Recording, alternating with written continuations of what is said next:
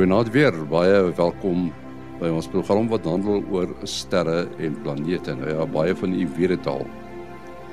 Vanaand is ons die die beurt van Stefan Lots van Sansa wat vir ons gaan vertel wat die son doen, wat sy gedrag is en uh ook uh so een of twee ander saakies hanteer.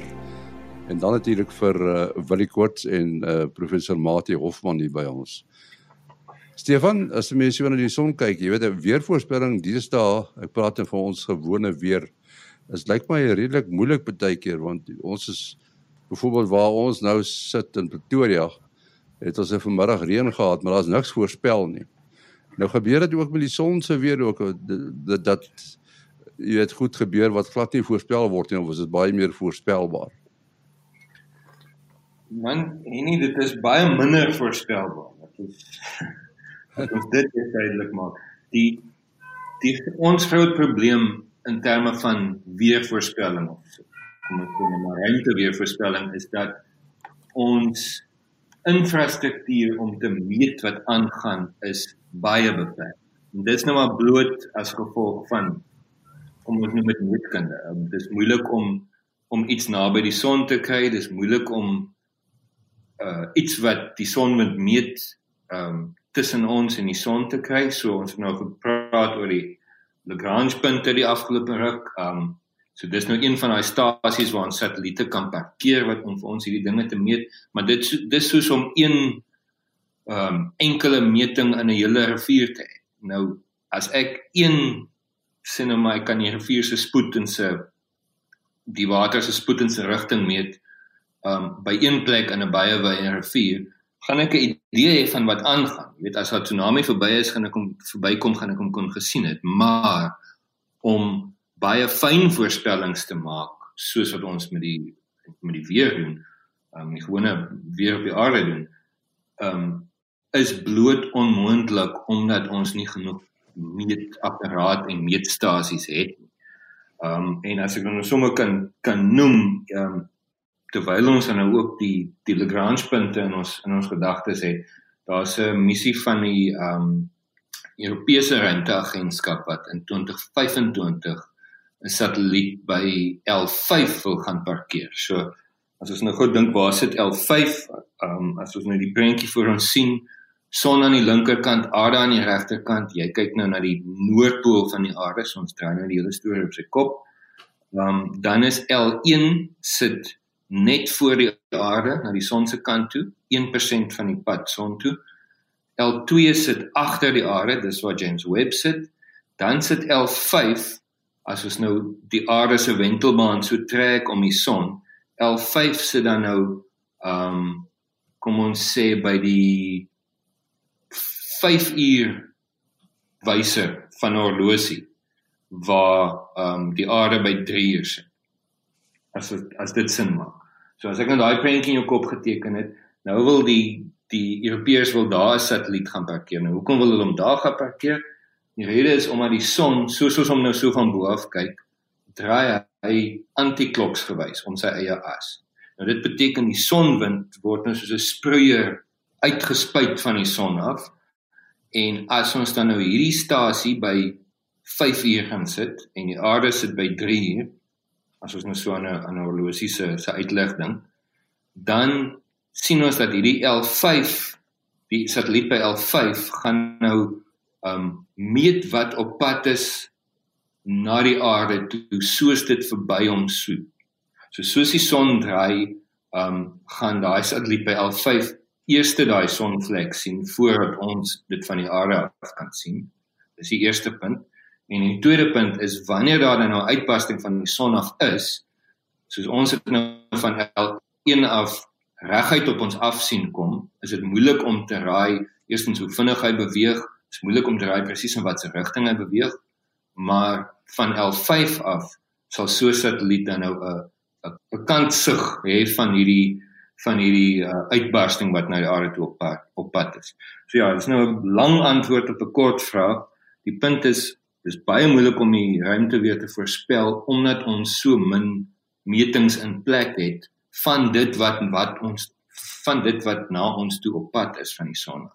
Maar hierdie L5 missie sal sal baie doen om om hierdie tipe voorspellings te te verbeter. So ons sal nie net kan sien ja, daar's 'n sonvlek, ja, hy lyk kompleks, ja, ons raai hy gaan uitbars vir die volgende paar dae of of ure nie. Ons kan ook sien wanneer hy uitbars, hoe lyk hy? Wat is regtig na ons toe op pad? En dan kan ons bietjie begin meetkunde doen en beter benader wanneer hy ons gaan tref en hoe groot daai impak gaan wees. So dan sal ons nader aan uh gewone die voorspelling kom in terme van akkuraatheid maar ook uh die die voorspeltyd.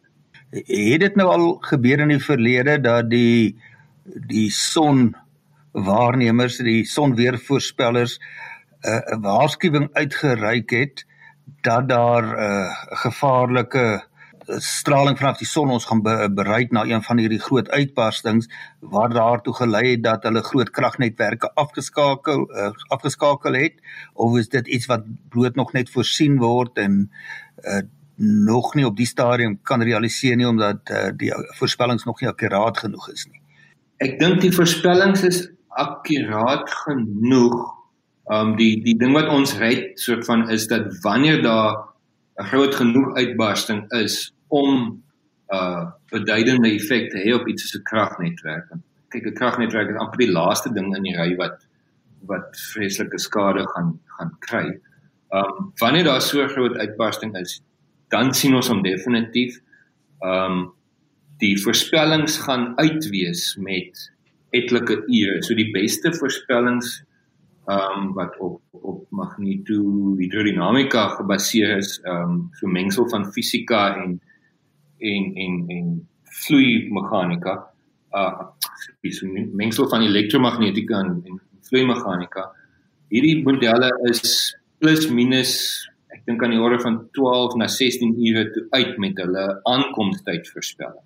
So wat tipies sou gebeur in so in so 'n geval wat wat nou gebeur is ehm um, daar's verskeie voorspellings. Ons sien daar's 'n aktiewe area, ons sien hy het uitgebars. Dan begin ons modelleer en raai nie raai. Benader wanneer hy wanneer die uitbarsting by die aarde gaan uitkom en hierdie voorspellings word aangepas soos wat ons meer metings kry. So nou het jy soort van 'n 'n groewe voorspelling wat sê hierdie ding gaan aankom oor 2 dae plus minus sien nou maar 12 ure, maar soos wat hy hy die aarde begin tref en die aarde begin bereik, kan ons baie vinnig daai voorspellings opdateer, maar dan word dit in die orde van ure wat sê, okay, binne die volgende uur, binne die volgende 3 uur gaan ons gaan ons iets beduidend sien. So dit is wat iets soos daai L5 missie dan nou mee sal help, is dat daar nie hierdie groot gaping is tussen okay, ons voorspel iets wat oor 2 dae aankom en die volgende uh, beduidende uh um uh verbetering in voorspelling is ure voor die ding hier.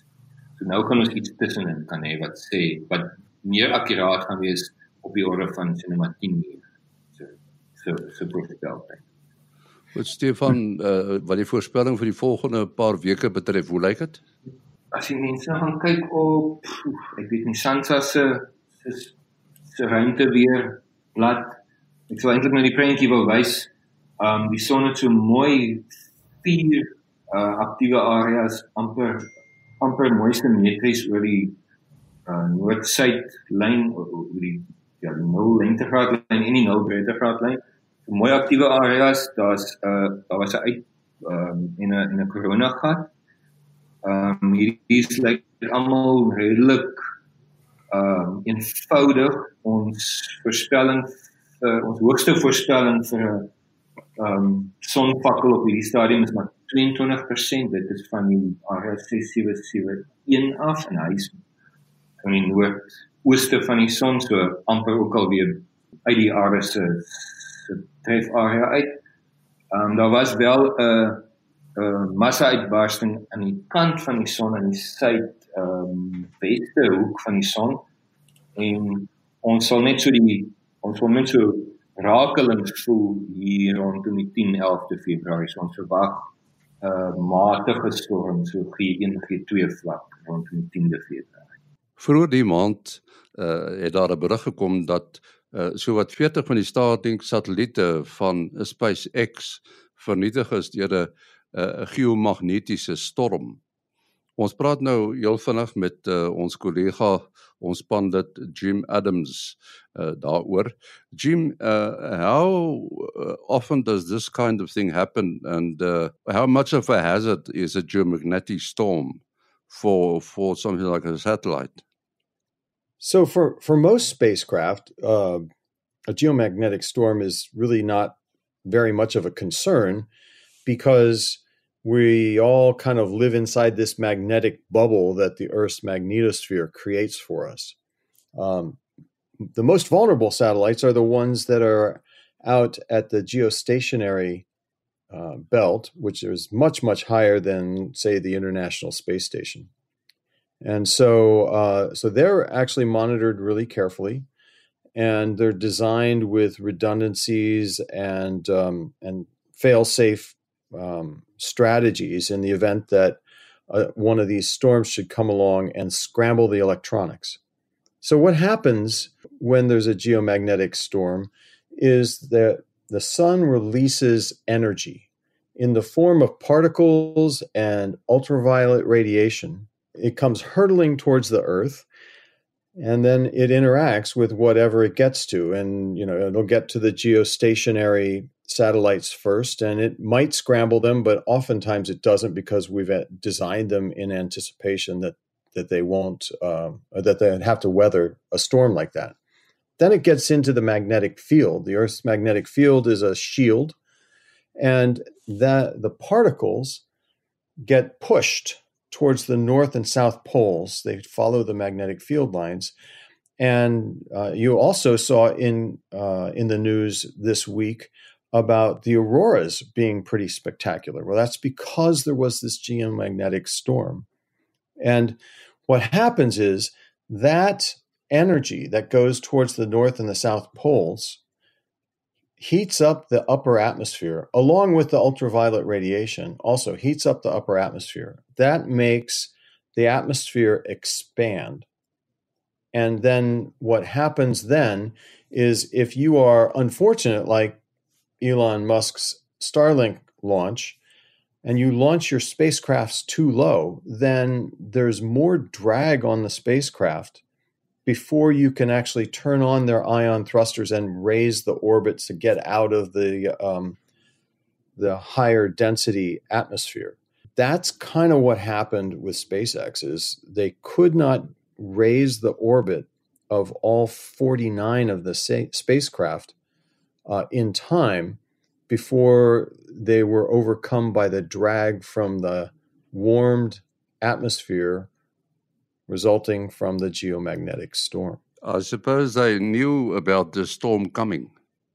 Well, you know, you'd like to think they did because there's an agency at NASA, or I'm sorry, an agency in the United States called NOAA. They're partners with NASA. NOAA is the National Oceanic and Atmospheric uh, Administration, and they put out space weather forecasts. So in the United States, when we launch a rocket, we always get a space weather forecast before we launch.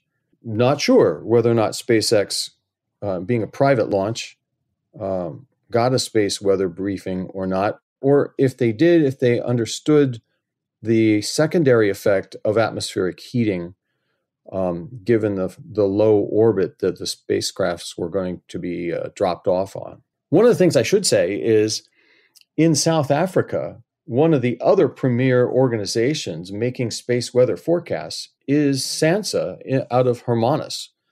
And they're constantly monitoring the space weather, the sun, the Earth's magnetic field, and they put that together. And in Africa, airplanes must get a space weather briefing before they can take off. So this is becoming more and more uh, commonplace thing, and uh, and you know awareness can prevent uh, a tragedy like what we just had. Uh, I'm certain there will be lots of people that will use this as an opportunity to learn more about uh, what we can do better. Die James Webb ruimteteleskoop bly in die nuus. Ons weet nou almal hy is by sy plek en uh, hulle is nou besig om kom ons stel dit so die die spieëls te belyn. Uh Willie as as ons nou praat van spieelsbelyn, moet ons seker net eers vir mense vertel dat uh jy weet die die Mount Palomar teleskoop het behoor net een groot spieël. Dit was 'n reuse spieël geweest.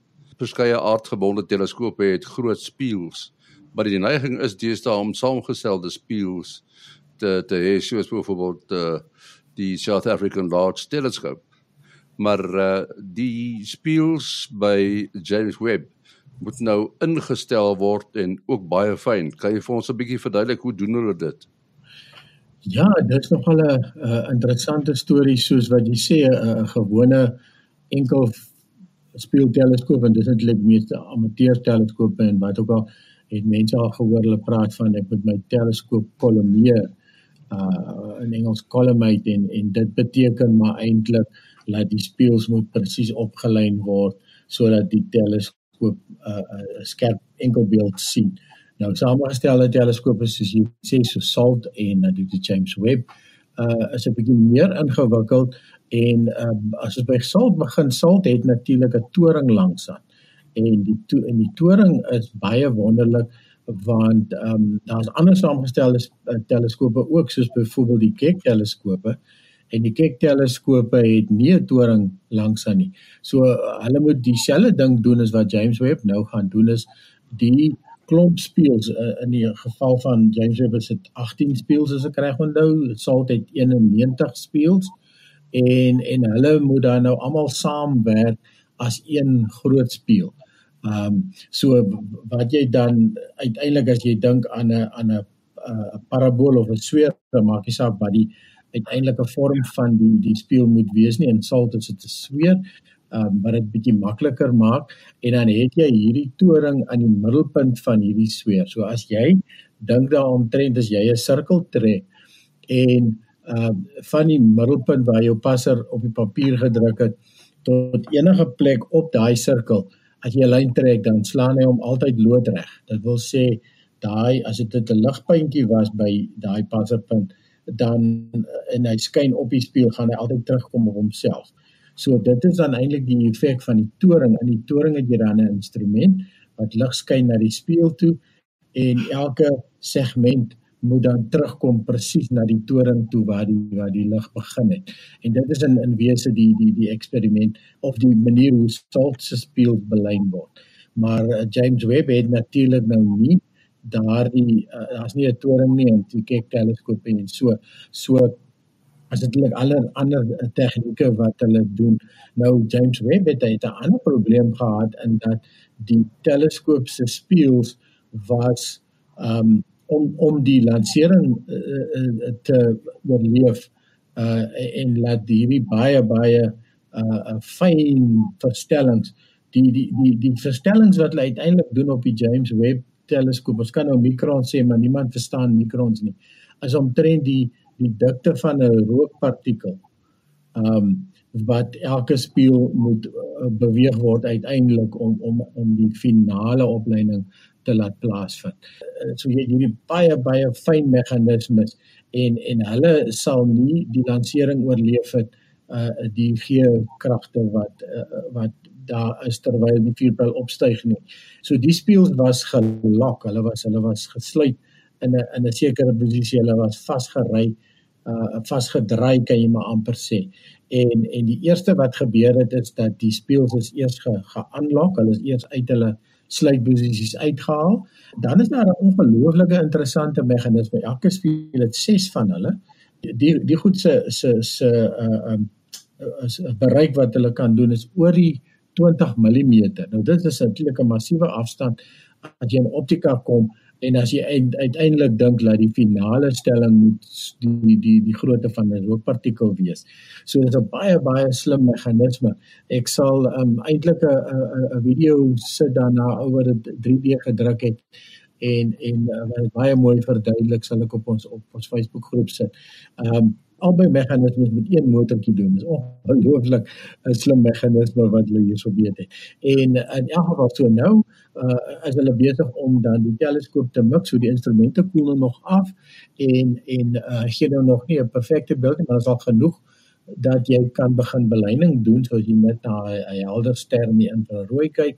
Um en dan kan hulle begin uh, die die spieëls een vir een oplyn. So die geheim is natuurlik om te weet as jy uiteindelik die beeld vorm, die beeld gaan nou nie, nie perfek wees, jy gaan allerlei puntjies en en en hoekies en draadjies aan hê en jy moet dan uitwerk watter spieël um uh uh, uh, uh dra by tot watter puntjie wat op die op die beeld gevorm is. En hierdie hele opleidingsproses is is nou uh, uh, lyk like vir my 'n maand of twee nog wat dit wat dit aan die gang kan gaan wees.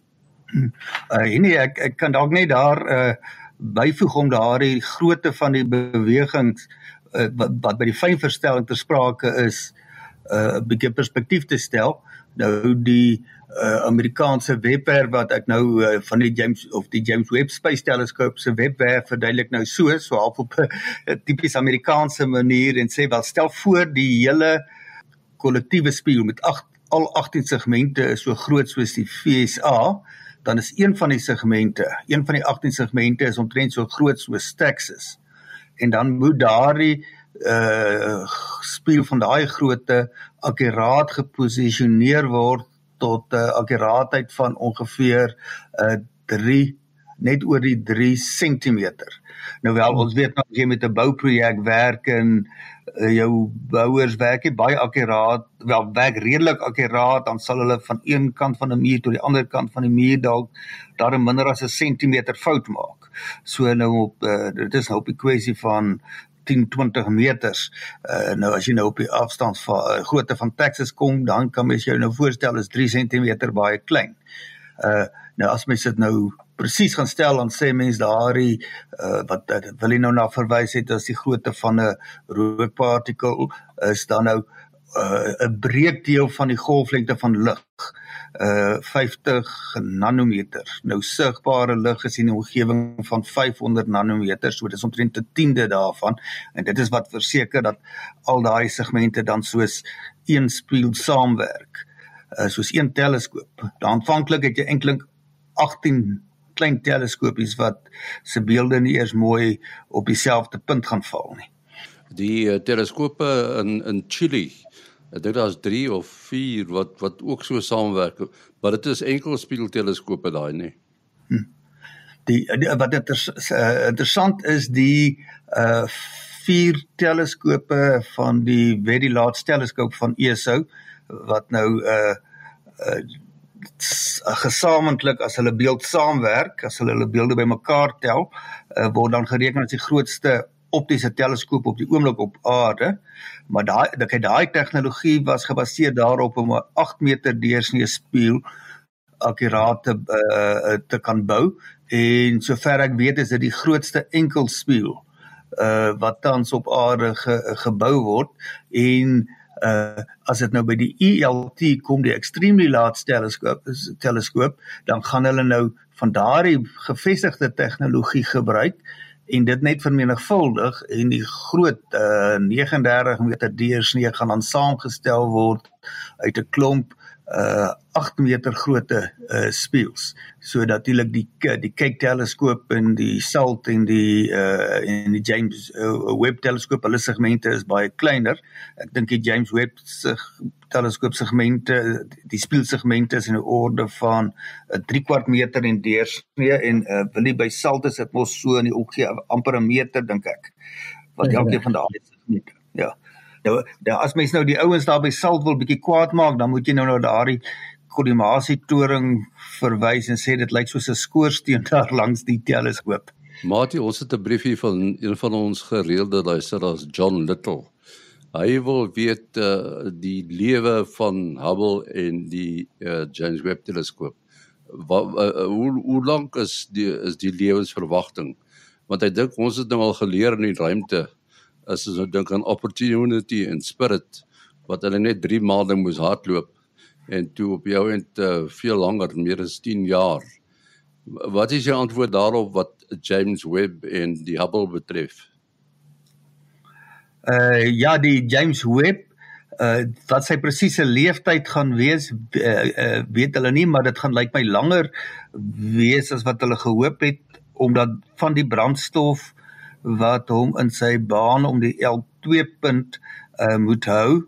Uh daai selfde brandstof moes gebruik ge, uh, word het om die koersaanpassings te maak om hom by die regte omgewing naby L2 te te bring en toe nog uh die aanpassings wat hom in die baan moes plaas en hoe onakkurater die lansering sou verloop met al die atmosferiese effekte hoe meer koersaanpassings sou nodig gewees het maar die uh, uh die lansering was so goed gedoen dat baie minder brandstof nodig was en dit maak nou dat hy uh enige iets tussen 10 en 20 jaar sal kan hou hopelik tot soveel as 20 jaar. Dit is daarom aansienlike tyd vir 'n vir 'n ruimteteleskoop. Nou soos wat ons by 'n vorige geleentheid ge, uh, gesels het, is daardie posisie van hom by die L2 punt is uh, metastabiel.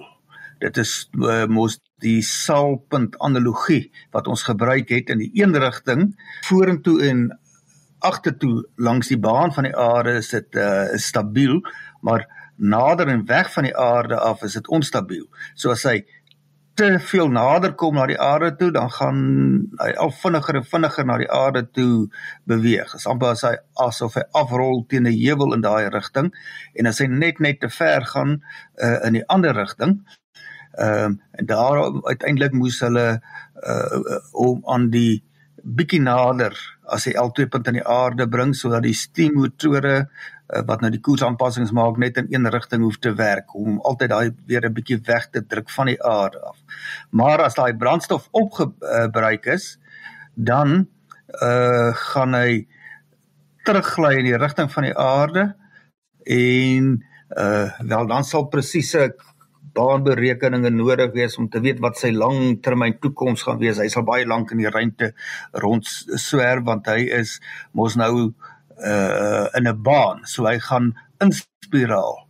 En uh, waarskynlik sal hom uiteindelik uh met die aarde se atmosfeer uh, uh bots en uitbrand. Ehm um, ek het nog, nog niks artikels gesien wat nou inligting daaroor gegee het nie. Ehm um, wat die uh die Hubble teleskoop betref, uh, wil jy jy opdatering oor tot wanneer hulle hom in gebruik wil hou of gaan probeer hou? Maar in elk geval hy's nou in 'n naby aardebaan uh ongeveer 600 km bo die aarde, so hy sal verseker vinnig in spiraal na die aarde toe wanneer hulle hom nie meer uh kan in sy baan hou nie en dan sal hy nou maar net uh totaal uitbrand. Hy sal trend so groot soos 'n skoolbus. Ehm um, maar groot genoeg dat daar seker enkele brokstukke op die aarde sal val. Ons het nog uh, oor baie goed gepraat het, maar ons uh, Here en meeste die horlosie sê vir ons halt, ons moet stop. Uh Stefan, jou besonderhede? Um Henny, die mense kan my e-pos by slots@sansa.org.za, so dis S L O T Z by sansa.org.za. Mati? Uh 0836257154 0836257154. Willie? Is 0724579208. 0724579208. En dan die program se e-posadres is sterreplanete@gmail.com. sterreplanete@gmail.com. Ons is volgende week terug.